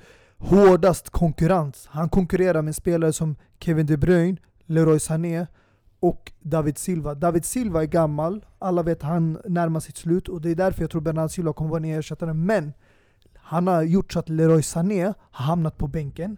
Kevin De Bruyne har olyckligtvis varit skadad och därför har Bernardo Silva fått chansen mer. Men han har verkligen tagit vara på den här chansen. Han har Precis. lyst upp i den här uh, kanten och han kan också spela på flera positioner. Det är det som gör honom så bra. Han kan vara en ytter som eh, Sané och eh, Sterling, men han kan också spela in i mitten som De Bruyne och David Silva. Och Exakt. det här är en spelare som har inte bara avslut, teknik, passningar, alltså han är all-around Hans spelare. spelstil påminner om, jag vet inte om det är bara för att de båda korta spelare men Arda Turan när han var i Atletico Madrid. Hans sista säsong där. Jag skulle inte säga Arda, jag skulle... Arda, Arda var mer aggressiv och mer, Ja. mer kämpaglöd. Bernardo Silva är mycket mer teknisk. Men, men, lite men, mer men, men jag vet, jag vet vart du, Du vart du ja, exakt, Jag förstår exakt Alltså vad du Bernardo menar. Silva måste säga Men- påminner väldigt mycket med- om Juan Manuel Mata. Mm, Det är en spelare som var i den här kalibern, som kunde spela kant, och i mitten, eh, vänsterfotad, spelar, förlitar sig mycket på sin vänsterfot men eh, har en vacker eh, liksom... eh, Spelstil. Ja, inte bara spelstil men vacker eh, sinne. Alltså han har väldigt bra Mm. vision. Alltså han hittar de här passningarna och löpningarna och han lägger fina inlägg. Och det, Precis. det är en spelare som eh, jag tror City kommer ha mycket förtroende för i framtiden. Han är också bara född 1994. Mm. Mm. Så Definitivt. väldigt ung också. Definitivt. Det finns mycket gott och blandat att välja på när det gäller bästa spelare. Men om vi kollar lite på de eh, som vi tycker har varit lite sämre den här säsongen. De sämsta spelarna. På mina läppar det är fyra bokstäver. Fyra. Ja. Vilka är de här Det fyra? börjar då? med F och det slutar på D. Fjäj! det är United, alltså grejen är Fred, Mm. han värvades in för samma summa som eh, Naby Keita och Jorginho, en halv miljard, 50 miljoner pund rakt av, till Shakhtar. Eh, han hade riktigt bra år med Shakhtar när de var i Champions League, spelade väldigt fint eh, men alltså jag hade mycket höga förväntningar på honom, att han skulle ta en direkt startplats. Eh, jag måste också säga faktiskt, jag lägger Naby Keita bredvid honom, för att eh, Oj. spelare, även om han har varit skadebenägen, det var Bakayoko också under sin Chelsea-tid, men han fick ändå all kritik. Men när han har spelat, han har absolut inte levt upp till förväntningarna. Så jag tycker fortfarande Wijnaldum, Henderson har hållit mycket högre kvalitet än Naby Keita. Och Jo men alltså årets sämsta spelare League. Du skulle lägga Naby Keita där alltså. I den ja, alltså Ja, grejen han har varit skadad, Ja. men alltså han... Okej, han kommer undan för att han har varit skadad, men han har också varit han ofta på spelat. bänken. Ja. Och det är ingen ursäkt att Klopp värvar in en spelare för en halv miljard och sätter Mm. honom väldigt ofta på bänken. Ibland har han varit utanför truppen helt och hållet. Mm. Jag vet inte varför man gör så. Eh, Och det är många brukar ju liksom eh, reflektera tillbaka på att nya värvningar har haft jobbigt det första året i Premier League. Det är mycket press, de klarar inte av pressen. Det sitter mentalt och då floppar de och då blir det så att de ryktas bort och det blir mycket snack bland Alltså, experter, det var- det journalister, var, det var, media. Det var som man- jättemodigt att du satte Fred och... Eh, men vet jag, Fred har också hamnat Ne- mycket- Ne- Naby Keita i samma kategori. Men jag du måste- håller med om Fred. Fred var överpris och eh, har inte levererat. Eh, Men Fred har också varit väldigt ofta på bänken. Utanför Mm. startelvan. I exakt. samma situation som Naby Keita. Men när han har spelat, jag tycker i, under Solskjaers tid, han har varit Ja, en han var helt okej han var ju bästa spelaren mot PSG till exempel, Fred och så, men av de pengarna man, man, man har lagt på honom så har man inte fått ut det man vill ha. Men, Jag eh, tycker Liverpool har fått ut det av Naby Ja, Keita. det har man inte alls heller, men Naby Keita var inte lika... Eller i och för sig, de, de värvade han mycket tidigare och, och även när han spelade i Leipzig sista terminen så var han redan klar för Liverpool, han var otrolig i Leipzig och så. Men det är fortfarande, han behöver väl... Han behöver tid, och det behöver Fred också. Ja, Det behövde Bakayoko också, tror- men ingen lät han komma undan. Utan han sågades i små bitar i media. Experterna gick all in på honom, så det är, jag går också all in på de här. Men alltså den här, den här kategorin, den är slash floppvärvning också lite. det är Alltså, det, kan- det du är kan- lite får- du får- definiera den själv egentligen. Ja, alltså ja. Vad tycker du? Nej, Alltså jag jag, lägger jag- dem både i sämsta spelare och floppvärvning, det är det. Det Ja. är lite delat. Vad säger du Dini? Alltså jag vet inte, för grejen är, jag kan säga typ att Jack Wilshere har varit den sämsta spelaren för han har inte du vet, fått spela och sina grejer. Jag kan säga att eh, Dennis Suarez har varit den sämsta spelare för att Oj. han inte... Men Fast det- han kom ju så sent. Ja men han skulle säga en floppvärvning mer. Alltså nu, Mm. nu snackar jag om en, en hel säsong eller en halv säsong. Alltså, ja, en spelare. det- jag vet inte varför jag inte nämnt. men fortsätt. Eh, men, eh, så, så jag tror jag tar den här kategorin slash floppvärvning också. Ja. Eh, jag måste också säga Brightons uh, Alireza Jahan Bakic, ir Iranien, eh, som hade stora, han kom från, eh, jag tror AZ Alkmaar i Holland, men han kom från Holland i alla fall.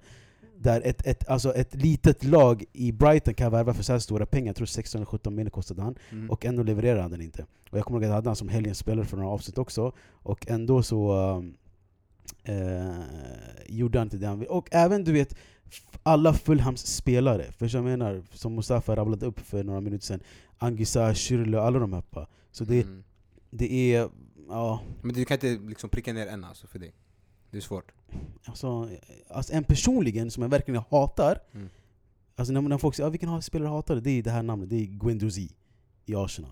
Okej. Men det, jag tror det är mycket individuell hat bara. Ah, han inte varit honom? Han är ändå... Nej, alltså, alltså jag gillar inte hans, hans va? karaktär. Och han, är, alltså, han är bara jätteful alltså, hur han spelar och så. Det är, Okej. ah, jag vet, alltså, Men jag han fick inte, ju mycket beröm ändå. Ja, men han fortfarande, jag ser inte, men det är det jag menar, det är personligt varför jag inte gillar honom. Det är, ja, jag vet inte, jag gillar inte honom alls. Det var när han och. Fellaini hade sin duell eller? När han drog han i håret, jag älskar det Ja. där. Men eh, sämsta spelare, jag måste säga Fred, Fred, ja. kanske. Okej, modigt. eh, Eller ärligt kanske. Aha. Yes, jag skulle nog säga Mustafi. Mustafa här? Nej, exakt, Musse men Mustafi. Jag skulle säga Mustafi i Arsenal. Ja. Skudran Ja, Mustafi. Jag måste säga faktiskt, jag Han håller måste vara med dig där. säsongens sämsta spelare. Jag såg en youtube-klipp bara, alltså av, bara av hans tabbar. Alltså det var typ 20 minuter långt. 20 minuter. Av en säsong, bara hans tabbar. Det där är sjukt alltså. Ja, det Killen joggade hem, alltså det, det, var, alltså det var sjuka scener, jag har inte sett sånt där Det alltså, var korpenivå alltså. Verkligen, det var sjukt alltså, han, han, Det sjuka är att han skyller på alltså, sina medspelare, han skyller på Peter Cech Och såna här spelare, du vet, man tänker Hur vågar du? du vet? The shame. The shame, alltså, The audacity! the audacity, exakt! Du säger How du, du, dare you! How dare you? Du har droppat hela, alltså, hela mittbacken, mittback, alltså, helt tomt alltså, vart han än är, det är tomt Jag. Han kollar på check va? Och han kollar på check, han bara vad händer? Vad gör du för någonting? Alltså, det är det sjukaste jag sett på gud Check han alltså, flippade ur, han tog av sig hjälmen bre Han bara What the fuck? nej, alltså definitivt. Alltså. Shkodra Mustafi, det var en du spelade när han kom från Valencia. Alltså, jag kommer ihåg, han ryktades till Chelsea också. De var också i, med i dragkampen om vem som skulle värva honom. Och jag vill också ha honom verkligen Chelsea. Jag bara, jag hoppas Chelsea får honom. För att han var skitbra i Valencia. Alltså, han var högt värderad. Men sen, alltså, sen han har kommit, det har bara åkt ner i en nedförsbacke. Bara droppat. Säsong efter säsong, han har blivit värre och värre. Han har, han har alla kvaliteter att vara en alltså, bra mittback. Han har några år i Everton också, eller något år. Och sen Han kom har han till Arsenal. Och sen, alltså, jag vet inte, han har alla förutsättningar. Man har varit, alltså, du sa att Bakayoko var hacket i bitar, men den här shunon har blivit malad alltså. Han är... Mm. Ja Ja, men det är det, det, här, det, alltså det är som Gattuso sa när han hämtade Bakayoko, han sa han bara det sitter mentalt. Mm. Alltså för att vissa spelare klarar inte av den här pressen i en alltså stor liga när det är ett topplag och sen kritiken man får från Precis. alla media och journalister och experter. Det är, det, man måste klara av sånt, man måste vara stark mentalt och kunna komma tillbaka från sånt. Så varje misstag du gör, det läggs på lager efter lager. Och det är därför Mustafi, ja, Men sanningen Mustafis, alltså det är sjukt, alltså, de tabbarna han har gjort Det är inte såna här, äh, jag vet inte, det är inte alltså, svåra situationer där, det är svårlästa situationer där man kan tänka sig ja men jag förstår varför han kunde alltså, Nej, men ju- tappat fokus där. Det här var så här sjuka vet, kontringar från halva plan och han joggar hem och såna grejer du vet. Mm. Och du har spelare bakom dig som maxlöpning, alltså det här är din yttrar De står och löper bakom dig och du joggar hemåt, förstår du vad jag menar? Och sen är du i straffområdet, du skyller på Peter Cech, förstår du vad jag menar? Alltså, Han det, tar av sig hjälmen alltså. han tog av sig hjälmen, Men jag har det inte är sett hans hår på jag vet inte hur länge bror Men det är det, alltså, det kan hända även spelare som har varit i den här ligan. Till exempel nu, många tänker inte på den här spelaren för att han har hamnat bakom kulisserna, men det är Alexis Sanchez. Mm. Man gav honom en ursäkt första halva säsongen för att han kom in i ett United som var under ombyggnad. Men nu har han haft en hel säsong och han har inte ens ta, kunnat ta en startplats. Och det här är en spelare som var Arsenals största stjärna. Gjorde över 30 mål, spelade i ett eh, lag där alla liksom eh, hade förväntningar på honom att han skulle lyfta. Och det är en spelare som också har bärt ett lag på sina axlar. Och nu, efter all kritiken, sågningarna i media när han misslyckades att leverera i några enstaka matcher i första halva eh, säsongen. Ja, men alltså, han jag- hamnar direkt i skuggan det och fel, han har inte kommit tillbaka från det mentalt. Hur mycket han försöker. Alltså jag måste bara säga, alltså, om, om du ska kvalificeras som en sämsta spelare måste du spela. Så Alexander har inte spelat för men att han har ju... han, alltså, han har varit beyond sämsta spelare, förstår du vad jag menar? Så därför men jag inte han, på han får ju chansen. Och varje gång han får Ja. chansen sumpar han det. Tyvärr, tyvärr, tyvärr. Men han, är, han, är, han tillhör en annan division för sig själv. Ja. Men jag skitsamma. Eh, vi måste börja gå vidare från den här kategorin. Men om jag ska säga mina sämsta spelare i alla fall. Mm. Eh, det- jag skulle faktiskt ta med Alexis Sanchez där. Mm. Eh, men en som jag tycker inte har lyfts upp, vi har satt många bra namn här, men en som inte har lyfts upp tillräckligt skulle jag säga är Jorginho. Som... Eh, Mm. Alltså det här är lite tyck- alltså om du Ja. kollar statistiken, ja, det vad- säger annat. På? Han har gjort två mål, noll assist. Nej, alltså när du kollar på en mitt, alltså mittfältare som är defensiv, eller han har ju inte, han är ingen defensiv mittfält som Kanté eller Matic, men han spelar i liknande position som Pirlo och Xabi Alonso. Den där positionen, du gör inte mycket mål assist, utan där är det ju spelare som dikterar spelet. Som Och grejen är, Styr också, tempot i matchen jag tror också det, var två, det är två olika Jorginhos. Mm. Första, första, Första halvan halvan, av säsongen så var det katastrof. första halvan fick han ju mycket alltså, ros. Det var, han hade en otrolig passningsstatistik och en otrolig spel. Han- Man, man snackade om hans omtalade straffar och allt det där. Men sen eh, andra säsongen som du tror jag syftar på Yasser, den Mm. andra säsongen som han eh, dalade, så står, ser man en stor skillnad. Men det är det alltså, det är där det, man, det är bara, alltså, jag, han behöver inte per se vara liksom den Nej, sämsta men här, men exakt. det är bara en, ett namn jag vill lyfta Mm. upp. Men det är Men, också, det är, eh, alltså man, Mm. jag tycker man sätter mycket eh, alltså press på just en spelare, som att det är han som bär laget. För att det är mycket förändringar som har skett i Chelsea. Man har gått från att vara en liksom, ett spel, lag som spelar direkt kontringar till att spela offensivt hög press. Och sen har man flyttat runt på spelares positioner, till exempel Kanté, som spelar nu i en eh, tremannamittfält där han är på högre upp på banan. Så det är mycket som har ändrats och det påverkar ju alla spelare runt om i plan. Och Jorginho tror jag har fått mycket, mest kritik för att det är, alla vet att det är just Saris värvning. Han hämtade honom från sitt gamla lag Napoli. Så då man förväntar sig att han ska ha en connection med sin gamla tränare och passa in bäst. Men det är ju alla spelare andra som måste liksom passa in i filosofin och formationen. Så det är, men det är, jag tror det kommer visa sig mycket bättre i framtiden. Vi har ju redan touchat ämnet lite det här med eh, årets eh, succé och floppvärvningar. Eh, men om vi bara ska liksom spika lite i kistan, Dini, vilka Mm. skulle du säga? Som sagt, de överlappar ju varandra, sämsta spelare och årets flopp och så. Floppvärvning då. Men eh, även, även om du värvar en spelare i sommar eller i vinter så är det ändå en värvning. Och då har han haft några månader på sig. Så ett namn som jag måste säga det är Gonzalo Higuain. Som har varit, eh, inte lyft, levt upp till förväntningarna. Mm. Och eh, Barca-lånet Denis Suarez. Jag vet inte om Un- Unai Emery inte har använt han bra eller inte fått spela alls, men en värvning, en flopp, ja. Nu behöver inte man spela va? Det räcker med att sitta på bänken och Exakt, floppa. exakt, det här är inte sämsta spelare. Det här är Mm. värvning, årets alltså floppvärvning. Mm. Så Denis Suarez och eh, Gonzalo Higuain eh, sitter på, min, på mina stolar. Alltså jag nämnde ju redan tidigare mina floppvärvningar. Eh, det var ju Fred, eh, bland annat Naby Keita också som jag ty- tycker har levt upp till förväntningarna. Eh, jag har inte kollat så mycket på de här januarivärvningarna. Jag tycker Mm. att det, det är svårt att komma in i mitt i en säsong eh, när ett lag eh, går igenom väldigt mycket Mm. och eh, också Precis. eh, ja, smälta in i ett nytt lag, ett ny kulturland. Och, så det är mycket som eh, spelarna måste göra för att eh, klara av den här pressen. Det handlar om mycket erfarenhet och mentalt. Exakt. Men Mm. eh, däremot, Alisson är för mig en, Stark kandidat, ja, en eh, vi, vi, målvakt vi är inne på flopp nu ju. Ja men det är för min succévärvning alltså. Mm. Ja, men vi, vi kommer dit, så ofta. Ja, nu Ja, börjar men det är Ja ah, men okej, och. men flopp. Vem skulle du säga Mustafa? Ja, jag sa dem tidigare. Ja. Eh, Jag känner att eh, jag vill lysa upp rummet med succévärvningarna. För det är det som eh, folk väntar. Men eh, innan jag börjar göra det, har du någon namn på läpparna Jasse som du vill eh, känner floppade den här säsongen? Alltså namn och namn, jag skulle vilja säga, kan man nominera hela Fulham eller? Ja, det var ju en rad värvningar. Eh, nästan en elva där. då. Ja. Så ab- absolut. Det är ett lag i helhet som har floppat. Mm. Fulham säger vi då. Ja. Eh, hade du någon succé då Musse? Du som ville lysa upp rummet? Alltså många talar om toppklubbarna, storvärvningarna, eh, som då jag nämnde tidigare, Alisson. Men jag skulle vilja lyfta upp andra lag, eh, som ni tidigare sagt, eh, Wolverhampton, Raúl Jiménez, som köpte Sloss eh, för hela 30 miljoner eh, under säsongen. De hade ju option att göra det, men de valde att aktivera under säsongen, vilket är helt förståeligt. Eh, en jättebra värvning. Juan Moutinho som hämtades för bara 5 miljoner från Monaco förra sommaren. Det här är ju samma lagbygge då som ja, vi hör, det är en rad namn portugisiska spelare. Mm. Men även faktiskt Madison i Leicester City.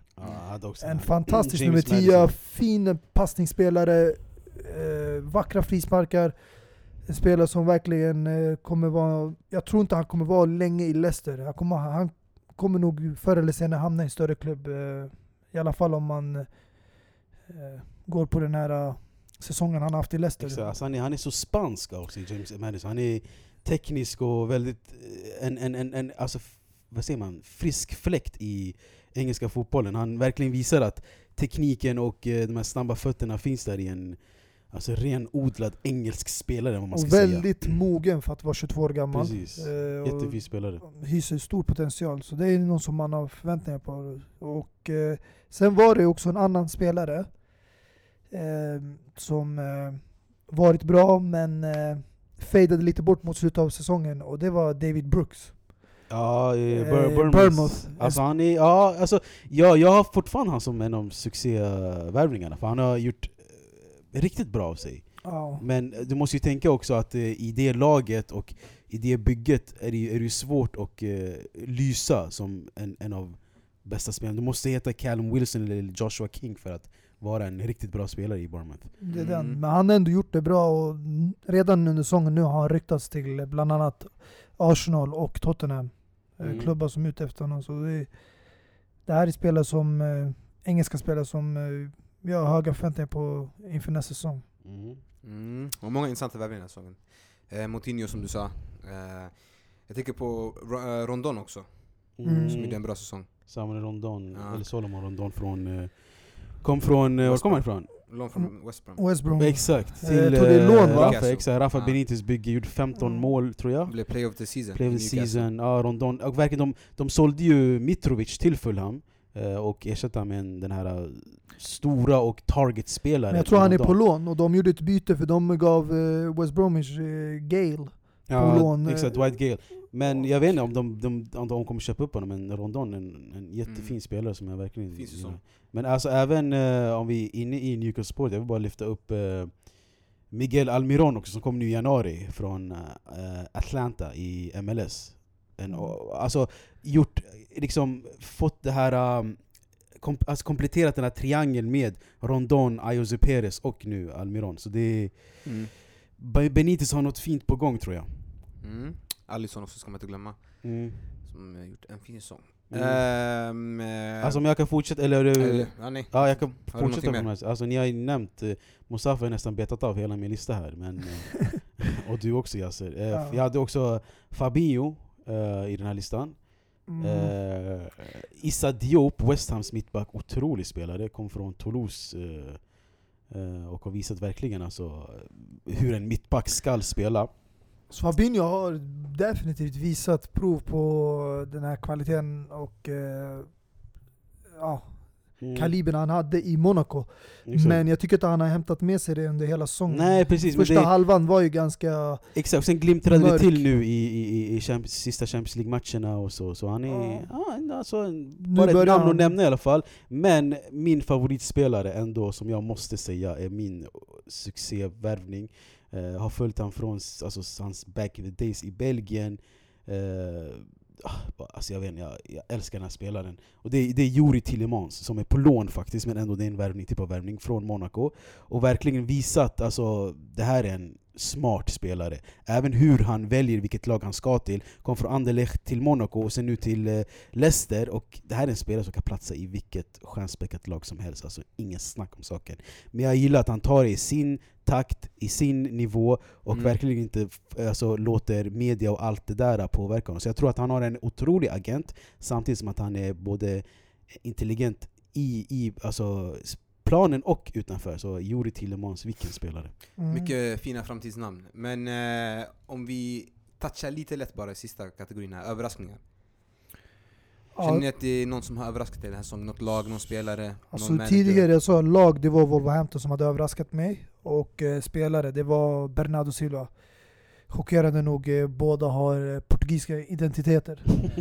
Så det är väldigt mycket portugisisk fotboll nu känns det som i Premier League. Mm. som har överraskat den här säsongen. Exakt, det var ju spansk våg för några år sedan, nu är det ju en, en, en, en portugisisk våg. Alltså en i alla fall besvikelse jag har, alltså det har ju inte just med spelare och värvningar, men det har ju med Premier League, det är användningen av VAR. Att eh, man använder den i kupperna, mm, Mm. både Capital One Cup och FA-cupen. Det användes även i VM i somras, och man valde att avstå från att använda det i Premier League när alla andra storligor, Serie A, Liga, använde sig av det. Det chockerar mig att eh, man eh, inte valde det. Men det är någonting vi kommer få se definitivt nästa säsong Mm. och eh, kommer göra stora förändringar i fotbollen. Mm. Mm.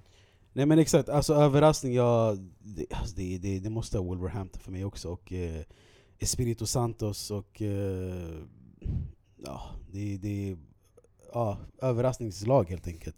Från, Jag från gillar att... hur eh, du sa hans efternamn, Espinito Santos, inte Nuno. ja, men han som han är mer känd för. Men, ja, exakt. Tilltalsnamnet. Ja, men Ness då, så jag kan få med alla Ja. tre initialer. Men eh, det jag gillar alltså, det är, det är en målvakt i, vad heter han nu? Rui Patricio som har nummer 11 på ryggen och eh, alltså det är bara hela laget, alltså jag gillar det. det är, alltså. Precis, det är, det är jättefint att kolla på. Eh, så överraskning, absolut, det är Wolverhampton Wonders.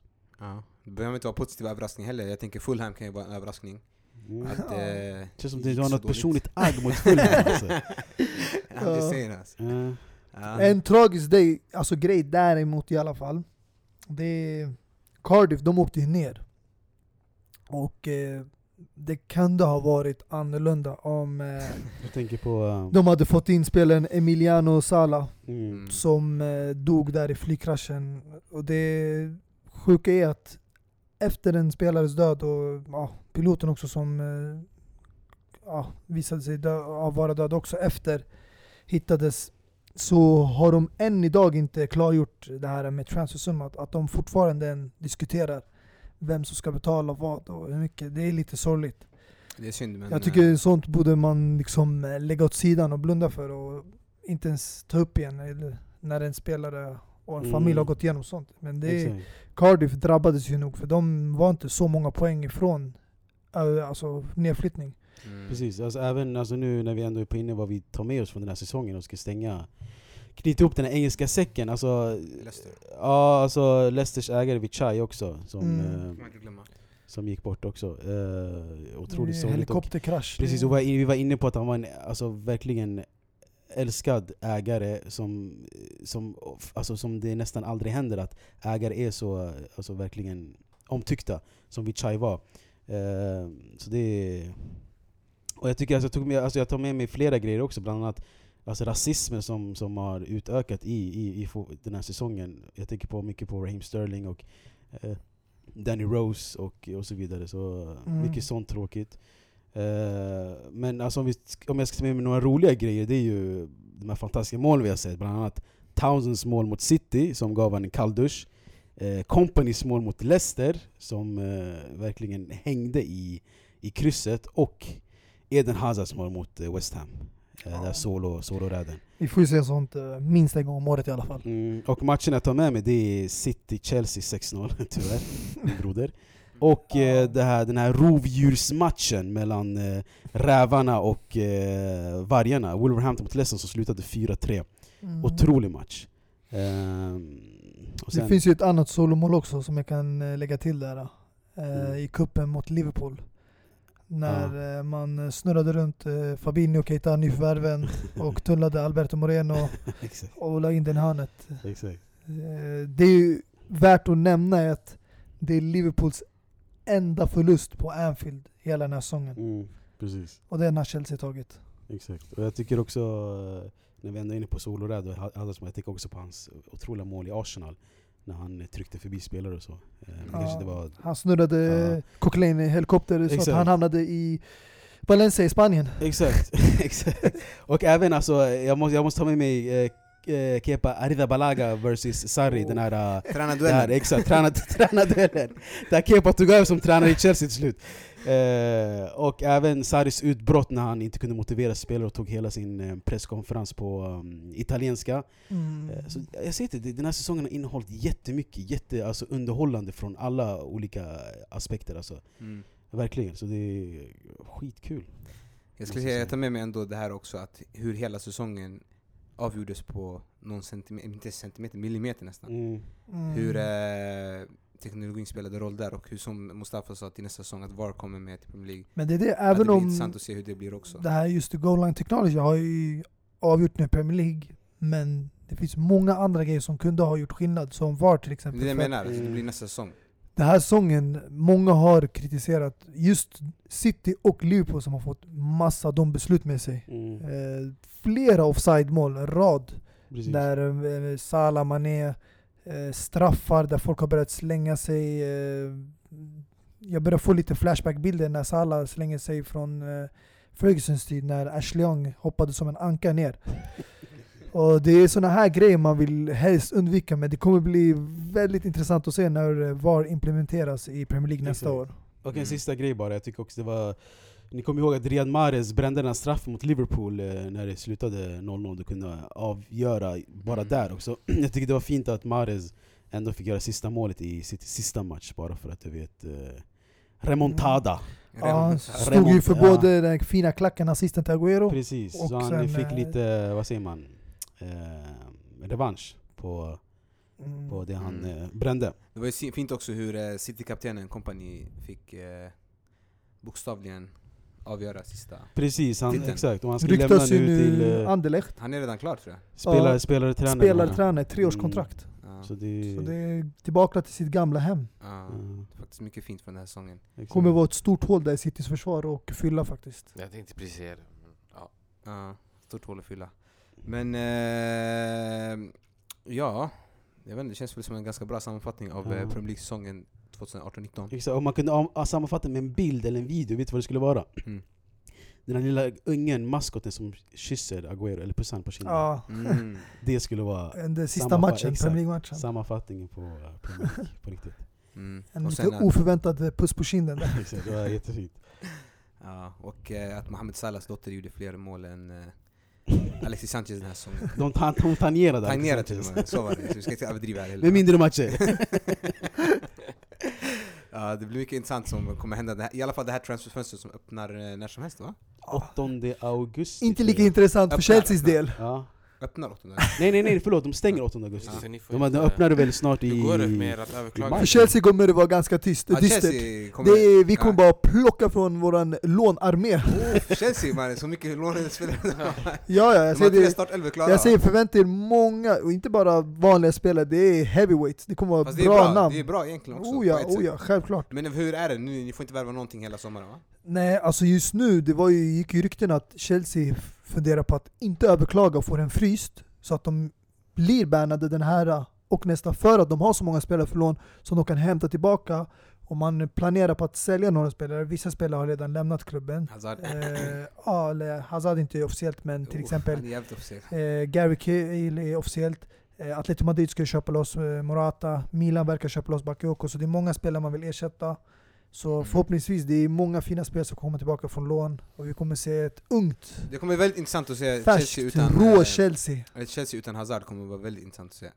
Mm. Och eh, ja, det kanske blir en bottenstrid där. Vem kommer ta hans alltså, plats? Ja, det är en bra fråga, så vem är det? Det är ju CHO Callum Hudson-Odoi.